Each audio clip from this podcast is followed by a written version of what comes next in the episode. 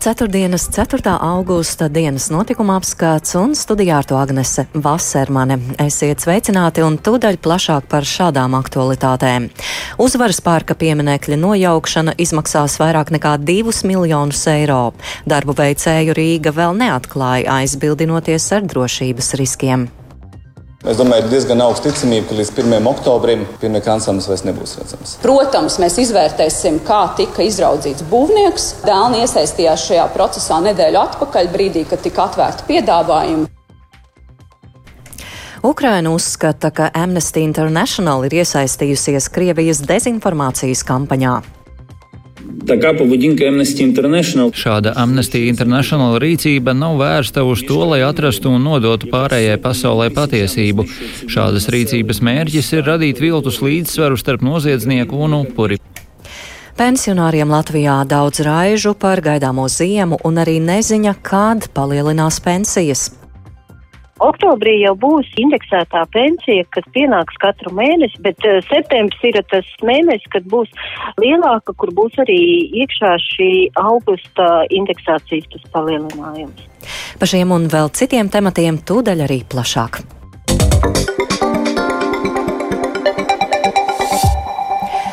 Pārdaugavā uzvaras parkā esošo pieminekli sāks nojaukt augustā. Pieminekļa redzamo daļu obelisku un skulptūras paredzēts nojaukt likumā noteiktajā termiņā līdz 15. novembrim. Taču lielākās izmaksas saistās ar piemineklim līdzās esošā baseina un pamatu demontāžu.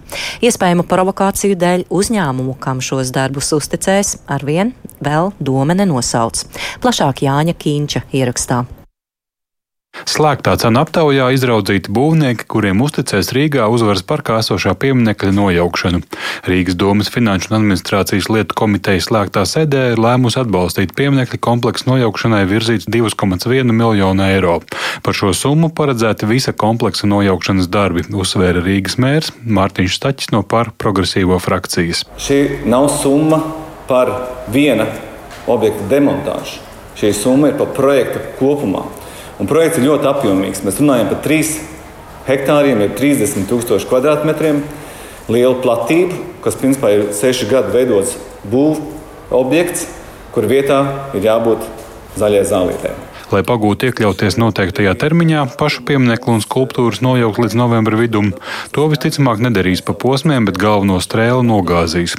Līdz ar to jau diezgan drīz objekta redzamākās daļas vairs nebūšot. Nu tā, ar pilnu garantiju es to nevaru pateikt, bet eh, es domāju, diezgan augsta ticamība, ka līdz 1. oktobrim vizuāli pieminiektu ansamblis vairs nebūs redzams. Obelisku un skulptūru noņemšana ir salīdzinoši neliela daļa no veicamā. Ap 45% no izmaksām būs par līdzās esošā baseina likvidēšanu un aizbēršanu, bet gan arī ceturto daļu prasītā finansējuma vajadzēs tehnisko telpu un pieminekļa pamatu demontāžai. Finansiāli ietilpīgais uzdevums likvidēt arī baseinu notikšot atbilstoši likumā prasītajiem par pilnīgu pieminekļa ansambļu likvidēšanu. Tam jānotiek līdz nākamā gada 30. jūnijam. Pēc tam teritorija paredzēts labiekārtot un par turpmāko tās pielietojumu vēl būs atsevišķi lēmumi. Tomēr pašlaik vēl ir neatbildēts jautājums, kuram uzņēmumam darbus uzticēs. Tas pagaidām ir noslēpums iespējamu provokāciju novēršanai, paskaidroja Rīgas izpildirektors un uzvaras parkā esošā pieminiekļa nojaukšanas darba grupas vadītājs Jānis Lange. Dodiet mums vēl nedaudz laiku, jo līdz būvdarbu uzsākšanai mēs šobrīd strādājam pie drošības protokola ar mūsu drošības iestādēm, lai saprastu, kādā veidā tiks organizēta gan iebraukšana un izbraukšana no būvnieka, kādā veidā darbinieki atradīsies, vai viņiem būs vests ar uzrakstiem, vai nebūs vests, vai būs būtāfela šajā vietā, vai nebūs, lai maksimāli nodrošinātu arī visu šī procesa drošību un izvairīšanos no dažādiem provokācijas riskiem. Mēs šo informāciju visticamāk atklāsim tuvākajā laikā. Bet es varu teikt, ka mums tiešām bija ļoti svarīgi, kāda ir iesaistīto būvnieku reputācija. Mēs konsultējamies arī ar drošības dienestiem. Ar pieminiektu nojaukšanu saistītās norises bez atlīdzības piekritusi pieskatīt arī sabiedrība par atklātību dēlna. Tās vadītāja Inese Tauriņa solīja, ka pievērsīsies gan būvnieku izvēlēšanai, gan demontāžas darbu uzraudzībai un atbrīvotās parka teritorijas izmantošanai pēc pieminiektu nojaukšanas. Tas eh, galvenais mērķis ir, protams, iepazīstoties ar līdz šim paveikto un arī sekojot līdzi nākamajiem darbiem, pārliecināties, ka gan pasūtītājs, Rīgas pašvaldība, gan izpildītājs, būvnieks, gan arī citas iesaistītās puses ievēro šos labas pārvaldības, godprātības principus, un, protams, korupcija un interešu konflikti šeit ir izslēgti. Lauvas tiesu pieminekļa kompleksa nojaukšanai vajadzīgo līdzekļu novirzīs no Rīgas domas rezerves fonda, taču aprēķinos iekļaut arī sabiedrības saziedotie vairāk nekā 268 tūkstoši eiro, ko izmantos būvgrūžu izvešanai, un arī iespējamais valsts līdzfinansējums.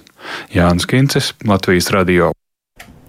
Arī Igaunijas valdība ir lēmusi visās publiskās vietās demontēt padomju laika pieminekļus. Kā norāda Igaunijas premjerministra Kai Kallasa, padomju pieminekļi ir jāizvāc no publiskās telpas, un mēs to izdarīsim pēc iespējas ātrāk. Igaunijā esot 200 līdz 400 pieminekļu ar okupācijas varas simboliku. Pieminekļi piedarot pašvaldībām, tādēļ konkrēti demontāžas termiņi un kārtība ir atkarīga no tām. Un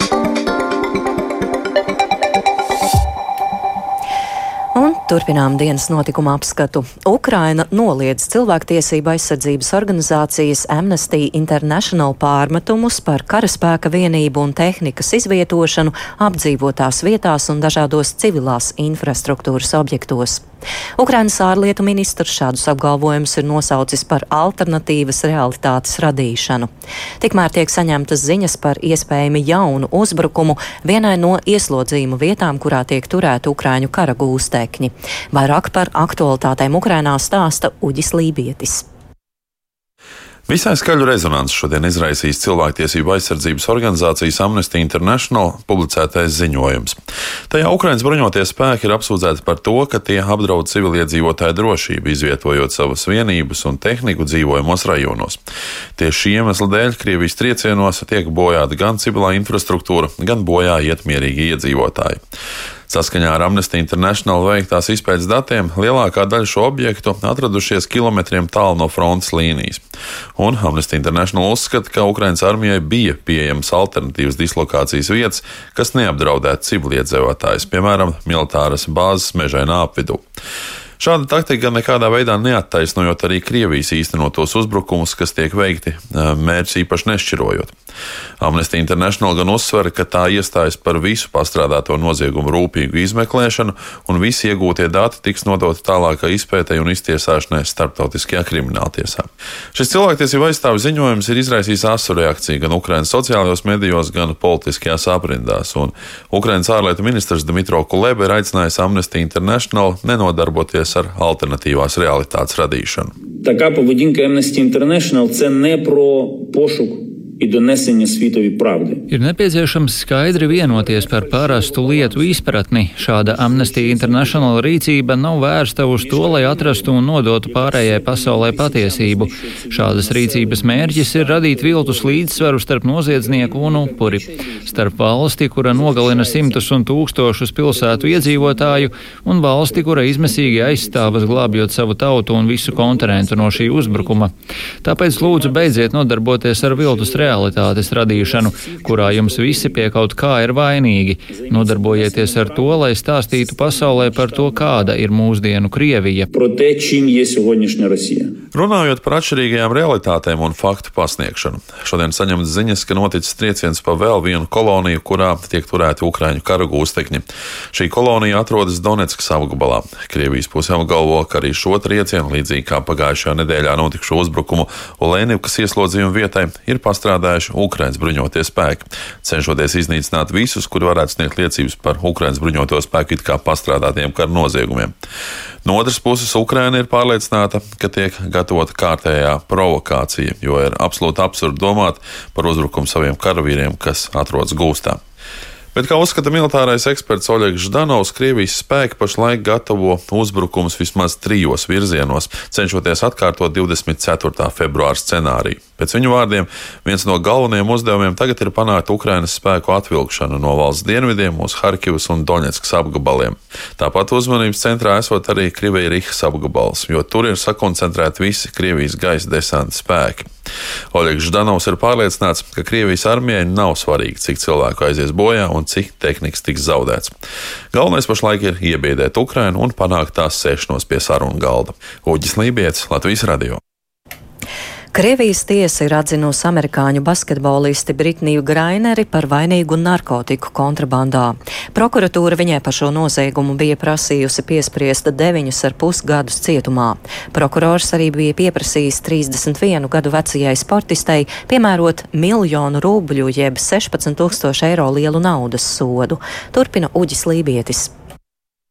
Divkārtējā olimpiskā zelta medaļas ieguvēja un sieviešu NBA čempione Britnija Grainere tika aizturēta šī gada februārī, neilgi pirms Krievija uzsāka savu militāro operāciju Ukrainā. Veicot viņas bagāžas pārmeklēšanu, tika atrasti marihuānu saturoši šķidrumi, kas paredzēti lietošanai elektroniskajās smēķēšanas ierīcēs. Prokurori apgalvo, ka Grainere ir apzināti mēģinājusi izkļūt cauri lidostas zaļajam koridoram, lai nedeklarētu šīs neatļautās vielas. Basketbolists savu vainu ir atzinusi, taču norāda, ka nav vēlējusies pārkāpt likumu likumus un lietot šīs aizliegtās vielas Krievijā. Turpinot savu Āzijas vizīti, ASV kongresa pārstāju palātas spīkere Nancija Pelosi ir ieradusies Japānā. Viņai paredzēta tikšanās ar Japānas augstākajām amatpersonām, lai apspriestu abu valstu sadarbību un kopīgās intereses. Pirms tam Pelosi viesojās arī Taivānā, izsaucot Ķīnas neapmierinātību. Šodien Ķīnas salas apkārtnē sarīkoto militāro manevru laikā raidījusi arī vairākas balistiskās raķetes, un pirmo reizi vēsturē dažas no tām piezemējušās arī Japānas teritorijā. Ķīnas rīcību asi nosodījis Japānas aizsardzības ministrs Kishi Nobuo. 中国は本日15時頃から 16時過ぎにかけて Ķīna šodien ir palaidusi deviņas balistiskās raķetes, no kurām piecas piezemējušās Japānas ekskluzīvajā ekonomiskajā zonā. Mēs stingri nosodām šādas darbības, jo tas rada nopietnas bažas par Japānas drošību un Japānas iedzīvotāju drošību. Japānas aizsardzības ministrija un pašaizsardzības spēki turpina darbu, lai apkopotu visu informāciju par notiekošo un monitorētu situāciju. あります強く非難いたします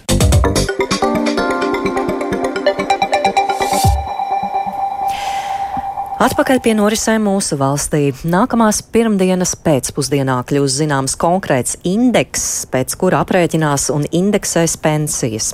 Šogad tas notiek agrāk nekā ierasts. Pensionāru federācija gan skaidro, ne visiem senioriem jaunā kārtība un izmaiņas ir saprotamas. Vairāk Kristapa Feldmaņa ierakstā. Šogad pensiju indeksācija paredzēta ātrāk nekā ierasts, un jau septembrī seniori saņems lielāku pensiju. Latvijas Pensionāru federācijas vadītāja Aija Bārča, kura gaidāmajās saimas vēlēšanās kandidē no Latvijas zaļās partijas, Latvijas reģiona apvienības un Liepājas partijas apvienotā saraksta, neslēpj. Daudziem senioriem gaidāmā pensiju indeksācija vēl aizvien ir neskaidra. Pensijas par augustu mēnesi cilvēks sāk jau saņemt, un vakardien arī man bija vairāki zvani un īziņas. Tas nozīmē, ka cilvēkiem ir jāskaidro, jāstāsta.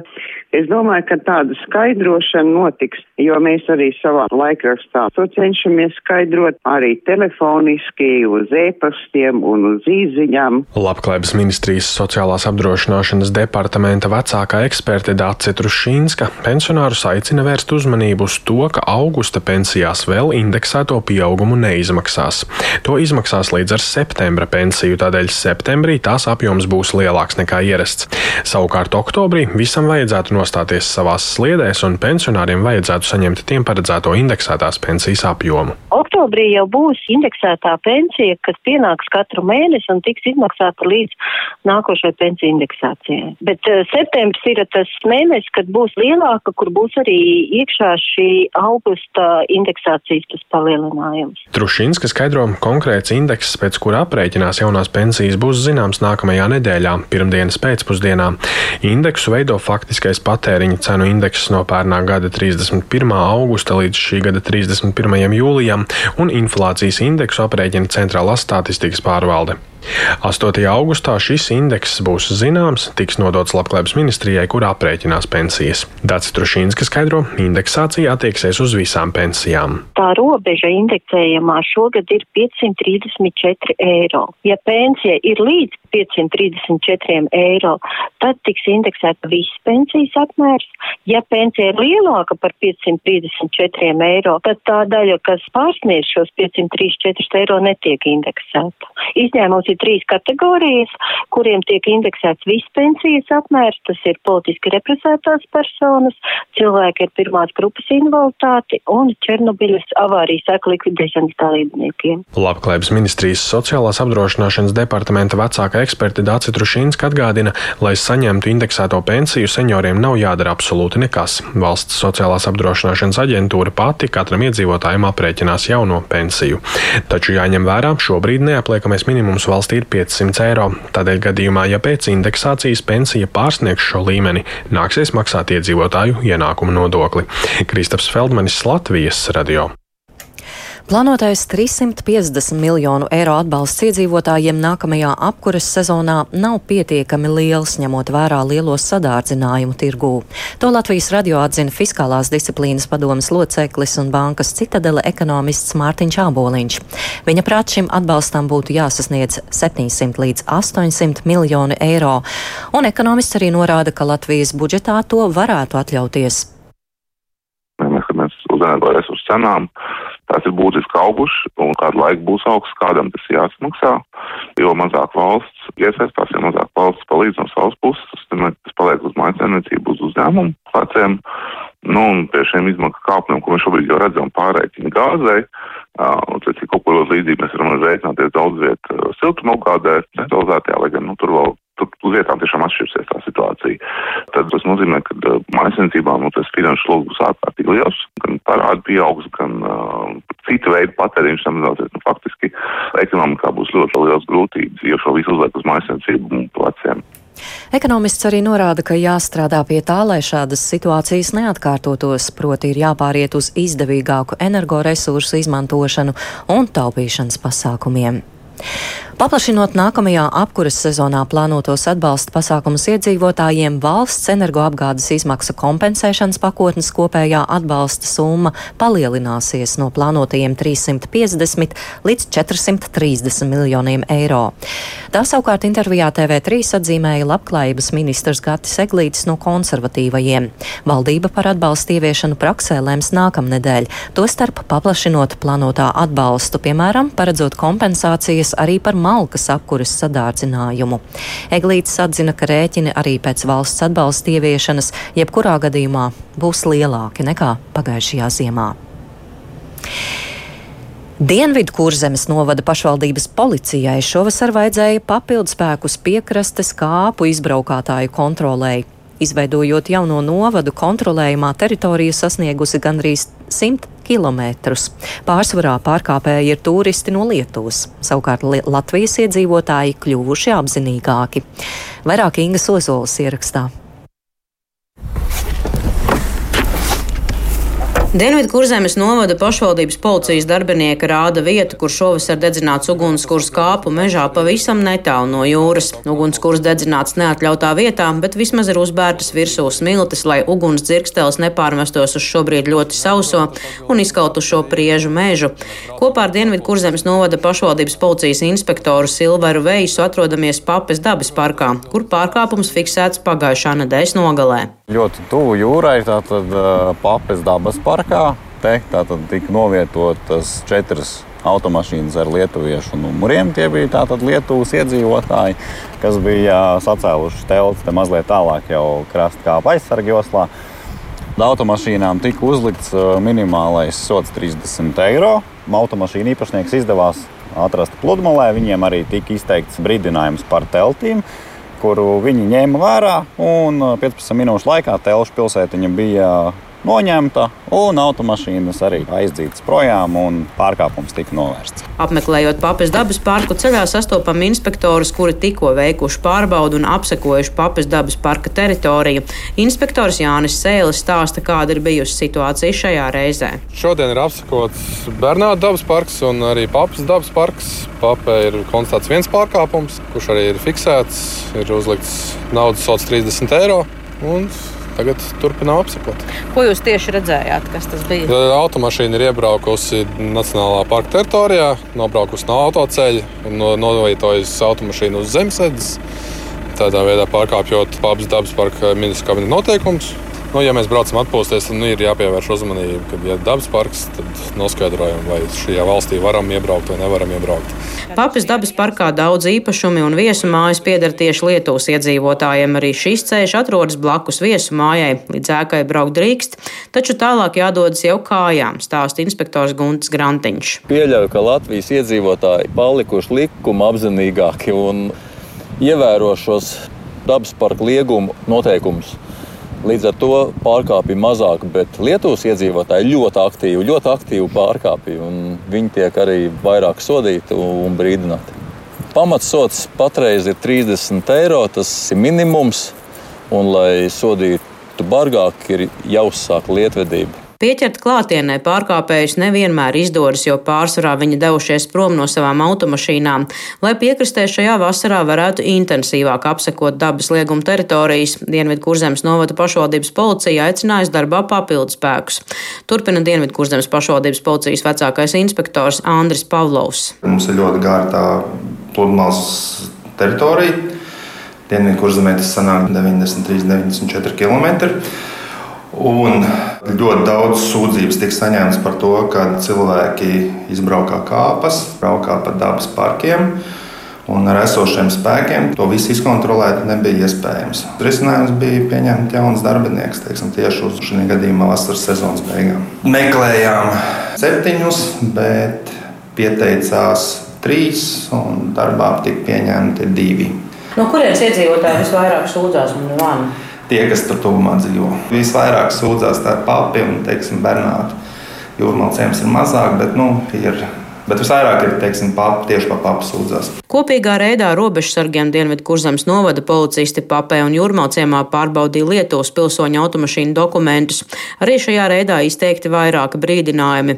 Pašvaldības policijas darbinieki veic reidus arī kopā ar vides dienesta inspektoriem. Nesen vienam Lietuvas pilsonim par kāpu izbraukšanu uzsākta administratīvā lietvedība. Reidos tiek izmantots drons, kas ļauj ātrāk un efektīvāk fiksēt pārkāpumus. Ingozola Latvijas radio kurzemē. Un šodien Mākslas galerijā Luka atklāta Luīzes Rukšānas personāla izstāde - izstāde par iemīlēšanos. Tajā iespējams aplūkot desmit zīmējumu sēriju, kurā ir autors novērojumi par dzīvošanu paralēlās realitātēs, pamanot zīmes, kur tādu nemaz nav. Kā atzīst māksliniece, caur mīlestības tēmu ir vieglāk ne tikai pastāstīt par izstādē redzamajiem mākslas darbiem, bet arī tos uztvert. Man liekas, ka tas iemīlēšanās stāvoklis ir ļoti labs piemērs tam, kā mēs lietas uztveram subjektīvi un kā mēs lietas ieraugam kaut kā pilnīgi sagrozīti. Un, uh, citādāk ir tas slavenais teiciens par rozā brillēm. Tad bieži vien kad pārstāji būt iemīlējies, tev tās rozā brilles nokrīt, un tu pēkšņi ieraugi realitāti pavisam citādāku. Iemīlēšanās ir kaut kāda lieta, ko ļoti daudz mēs esam piedzīvojuši. Man liekas, ka tas ir vienojošais elements, caur ko varētu pastāstīt uh, stāstu un caur kuru varētu paskatīties uz šiem darbiem, tā lai viņi varbūt uh, pastāst kaut ko vairāk kā tikai realitātes kopijas. Un šajās karstajās vasaras dienās atkal daudzi no mums izvēlas meklēt veldzi Latvijas peldvietās. Veselības inspekcijas analīzes liecina, ka Rīgas astoņu oficiālo peldvietu ūdens kvalitāte atbilst higienas prasībām, un tajās visās ir atļauts peldēties. Arī Daugavas peldvietā Rumbula zilāļģes tomēr nav konstatētas, un tajā ir atļauts peldēties. Peldēties atļauts arī visās Rīgas jūras līča peldvietās, vakarbuļļos, Daugaugrīvā, vecāķi mērķos, oficiālajās pilsētas peldvietās Ķīpsalā, Lucausalā, Lucausalas līcī un Bābelītī, kā arī Ķīša zarā. Lai atveldzētos, var doties arī uz Grīziņkalnu un Ziedoņu dārza bradājamajiem basēniem. Bet no šodienas gan aizliegts peldēties Gaujas upes peldvietā Sigulda. Tur ūdens mikrobioloģiskie rādītāji neatbilst higienas prasībām.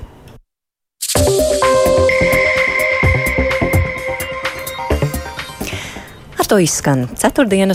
4. augusta dienas notikuma apskats. Ziņu programmas producents Edgars Kupčs, skaņu režijā Renārs Šteimanis un Iveta Zvejniece studijā Agnese Vasermane. Vēlreiz par būtiskāko. Uzvaras parka pieminekļa nojaukšana izmaksās vairāk nekā 2 miljonus eiro. Darbu veicēju Rīga vēl neatklāja, aizbildinoties ar drošības riskiem. Ukraina iebilst pret eh, cilvēktiesību organizācijas Amnesty International jaunāko ziņojumu. Bet Latvijā pensionāriem daudz raižu par gaidāmo ziemu un arī neziņa, kad palielinās pensijas.